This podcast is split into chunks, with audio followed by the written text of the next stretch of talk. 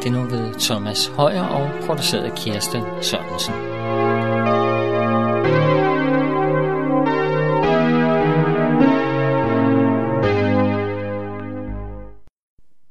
Velkommen til Notabene. Mit navn er Thomas Højer, og øh, i denne her uge, der er det vers fra Apostlen Paulus brev til romerne, som jeg har valgt at tage udgangspunkt i.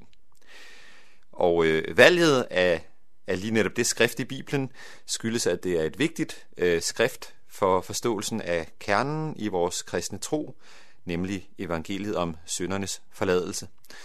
Og øh, det er vigtigt for, for alle kristne naturligvis, men, men øh, for, særligt for vores kirkefar, Martin Luther, der øh, sagde han om, om, øh, om brevet til romerne, det er det femte evangelium, og det er det klareste af dem alle sammen.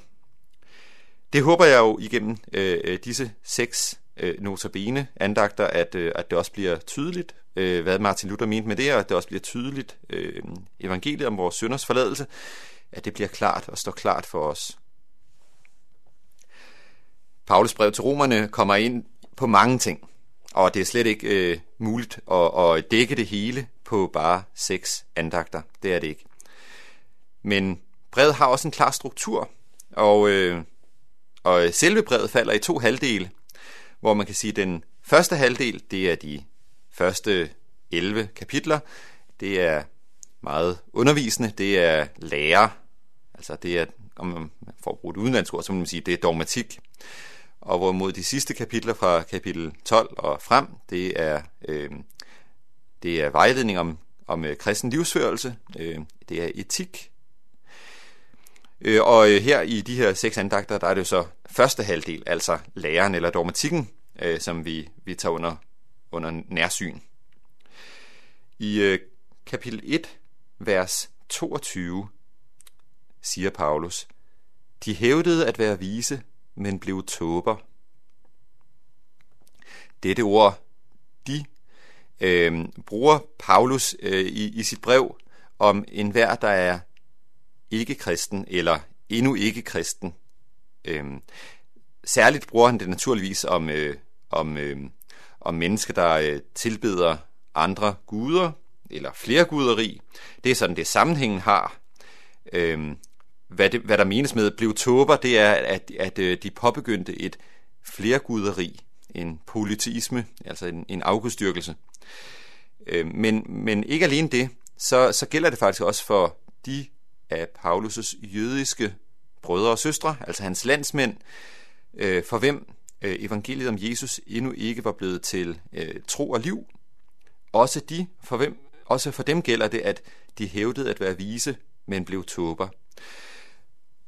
Og hvis vi går en lille smule videre, så er, mener Paulus ikke, at det er alle de andre, der er noget galt med, men at han øh, eller eventuelt han og menigheden, den kristne menighed, øh, har deres på det tørre og, øh, og, øh, og, og, øh, og står så i, kan man sige, på, et, på et andet sted end dem, for hvem han siger, de hævdede at være vise, men blev tåber. Kender vi det ikke for os selv? Det, øh, det tør jeg da sige om mig selv, at jeg også kan stå i en situation, hvor jeg hævder at være vis, men hvor det ikke forholder sig sådan. Altså hvor også jeg i min tanke om Gud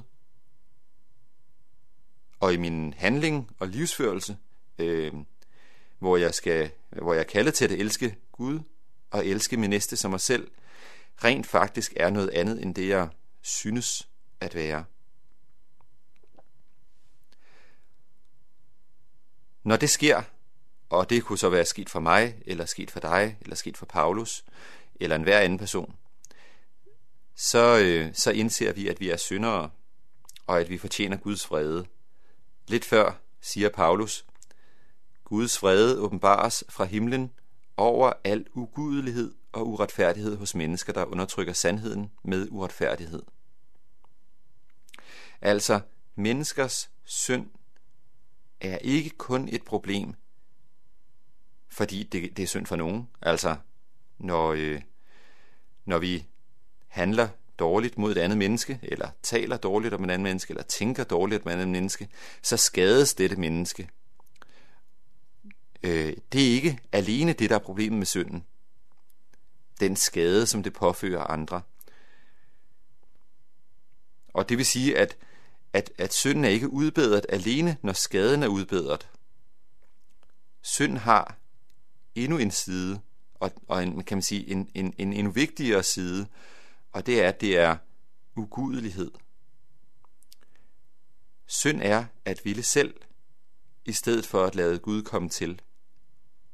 Og derved så, udover at skade næsten, og måske endda også skade sig selv og skade sit eget liv og sit eget hjerte, så skader vi også Gud, fordi vi ikke giver ham den plads, som han retteligt tilkommer.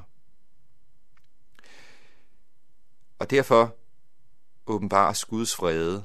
Det er ikke, det er ikke bare fordi, at Gud bliver vred på, om jeg så må sige, andre menneskers vegne, når vi handler ilde. Gud har en retfærdig vrede over vores synd.